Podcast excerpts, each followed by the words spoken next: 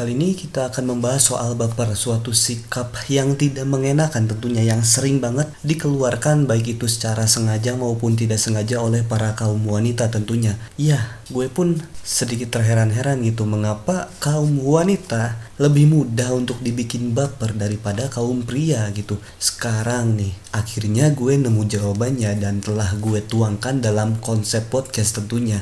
Kali ini kita akan membahas 5 hal yang membuat wanita lebih mudah untuk baper dibandingkan pria. Oke kita langsung aja seperti biasa masuk ke perpoinnya di nomor satu gue punya kenapa para wanita lebih mudah baper daripada pria itu karena mereka lebih suka untuk menunggu seseorang gitu bukannya menghampiri seseorang. Ya sebagaimana yang kalian tahu lah budaya di negara timur Indonesia ini bukan negara timur juga sih di negara berkembang Indonesia tercinta ini itu para wanitanya ya masih cukup jarang deh kayaknya yang berani milih duluan, maju duluan kepada para pria itu cukup jarang gitu.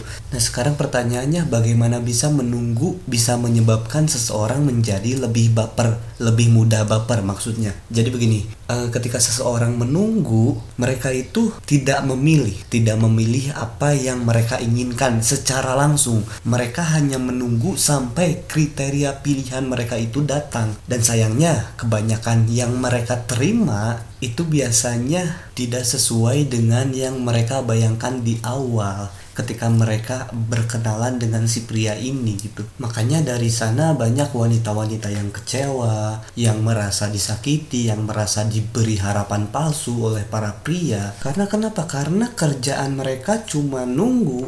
Nah, masalahnya kalau cuma nunggu dan kehidupan para wanita ini begitu-begitu saja, di lingkungan itu saja pergaulannya terbatas segitu aja. Ya apa-apa yang mereka dapatkan juga itu-itu aja gitu. Pria-pria yang nyamperin mereka juga tipe-tipe seperti itu aja gitu. Karena untuk mendapatkan pria yang lainnya yang lebih baik tentunya kalian pun harus terlihat oleh para pria yang kalian inginkan tentunya. Yang kedua tentunya dari faktor biologis nih kalian tahu sendirilah ada salah satu bagian otak yang mengatur emosi, ternyata kalau dibandingkan bagian otak itu antara ukuran pria dan wanita itu berbeda. Pada wanita, ukuran bagian otak yang mengatur emosi itu lebih besar ukurannya gitu. Makanya para wanita ya lebih sering mengandalkan perasaan dalam berbagai hal gitu dalam apalagi dalam urusan yang beginian gitu romansa gitu. Oke untuk pembahasan nomor dua ya cukup singkat ya cukup segitu aja ya. Karena ya gimana udah faktor biologi susah gitu udah kodratnya seperti itu. Oke kita lanjut aja ke poin nomor tiga. Di sini gue punya ini ini ini suatu hal yang cukup kontroversial bagi gue gitu. Gue mikir gue rasa para wanita dan pria pun seimbang dalam hal mudah baper gitu karena kenapa karena pikir pikir yang membedakan itu hanyalah apa-apa yang terekspos dari sifat baper ini gitu. Kebanyakan pria kalau baper itu lebih banyak diam, lebih banyak curhat ke teman terdekatnya saja dan itu pun seperlunya aja gitu. Tapi kebanyakan wanita kalau udah baper sama pria apalagi bapernya terus disakitin itu pasti curhatnya ke mana-mana gitu. Karena memang uh, metode untuk wanita menyelesaikan masalah adalah seperti itu gitu. Adalah dengan mereka mengungkapkan hal-hal yang mereka rasa masalah-masalah yang mereka rasakan secara detail gitu. Jadi kenapa wanita seolah-olah terlihat lebih mudah baper daripada pria?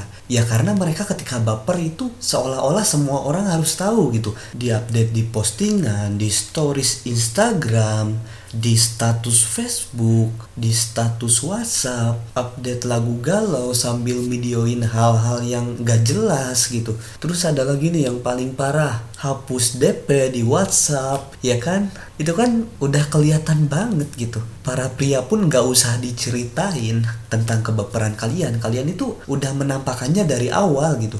Oke, nomor 4 kenapa kebanyakan wanita lebih mudah baper nih? Menurut gua itu karena kebanyakan wanita, nggak semua sih, cuman kebanyakan wanita kehidupannya itu nggak punya passion sama sekali, nggak punya hobi sama sekali, nggak punya kegemaran untuk ditekuni sama sekali gitu. Bahkan mereka hidup seperti ya gitu-gitu aja gitu. Ya jalani aja asal ada duit asal ada kerjaannya hidup gitu. Padahal passion itu perlu pada faktanya gitu. Karena ya gue pun merasakan hal itu secara langsung gitu ketika gue punya passion. Apa-apa yang harus gue pikirin dan itu cukup tidak sehat untuk gue pikirin ya kalian tahu sendirilah pikiran seperti apa. Itu dengan adanya passion waktu-waktu untuk buang tenaga ke arah sana itu pasti sedikit bukan sedikit lagi pasti banyak berkurang gitu. Dan akhirnya waktu-waktu yang kalian berikan itu hanya kalian berikan pada hal-hal yang bermanfaat bagi kalian gitu. Makanya gue tuh aduh greget banget gitu. Gue tuh pengennya semua orang itu punya passion gitu. Cuman ya nggak bisa juga gitu. Cuman ya enak gitu ketika punya passion itu. By the way passion itu beda sama kerjaan ya kalau lu punya kerjaan tapi lu nggak ngerjain passion. Kalau kerjaan itu ada jeda waktunya gitu ada lu buat istirahatnya gitu. Kalau passion itu lu setiap saat itu mikirin passion tersebut, rencana lu di dalam bidang itu, serta visi dan tujuan lu dalam menekuni passion tersebut gitu. Passion atau hobi tersebut gitu. Nah sekarang apa yang dimaksud passion atau hobi? Banyak orang salah mengartikan sebenarnya dari hal ini. Mereka berpikir hobi mereka itu menonton film, hobi mereka itu mendengarkan musik. Padahal itu adalah aktivitas yang biasa gitu. Kalau gue sih, gue mengartikan passion atau hobi ini adalah suatu kegiatan yang kita butuh effort untuk ke sana, kita butuh belajar dalam sehingga kita bisa menguasai hal-hal yang kita suka tersebut gitu dan kita pun punya targetan yang jelas mengenai apa-apa yang mau kita raih dari bidang itu. Makanya ketika lu punya passion, gue jamin gak bakalan ada lagi waktu buat baper-baper lagi gitu. Sekalinya kalian dibaperin pun ada hal yang lebih menarik yang bisa kalian urusin. Oke kita lanjut aja ke poin nomor 5, poin terakhir. Di sini gue punya hal yang istimewa dan unik karena di sini gue akan sedikit membalikan sudut pandang. Pertanyaannya kenapa wanita lebih mudah baper dibandingkan pria?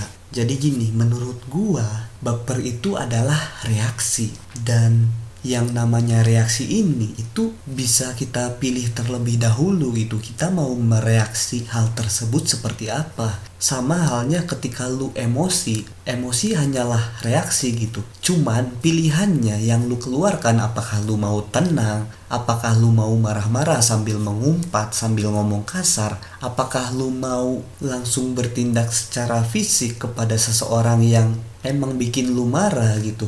Nah, dalam hal ini, baper itu hanyalah reaksi dari suatu keadaan yang terjadi gitu. Gak ada yang salah dalam reaksi tersebut gitu. Cuman yang salah adalah pilihan dari tindakan yang akan lu lakukan setelah reaksi tersebut timbul gitu. Jadi misalkan setelah lu baper, itu tindakan-tindakan seperti apakah lu mau terus memikirkan pria yang bikin lu baper ini, apakah lu mau langsung cari pria yang lain begitu saja itu adalah pilihan lu gitu. Itu bisa lu pilih gitu. Kalau ada pertanyaan kenapa para pria sering memberikan harapan palsu? Kenapa pertanyaannya nggak dibalik seperti ini aja?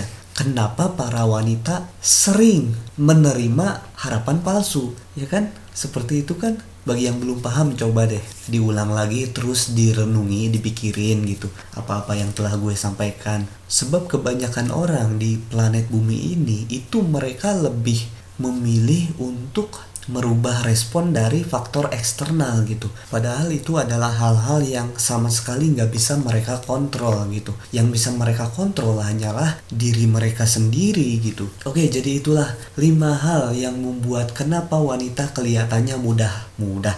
Kenapa wanita kelihatannya lebih mudah baper daripada pria?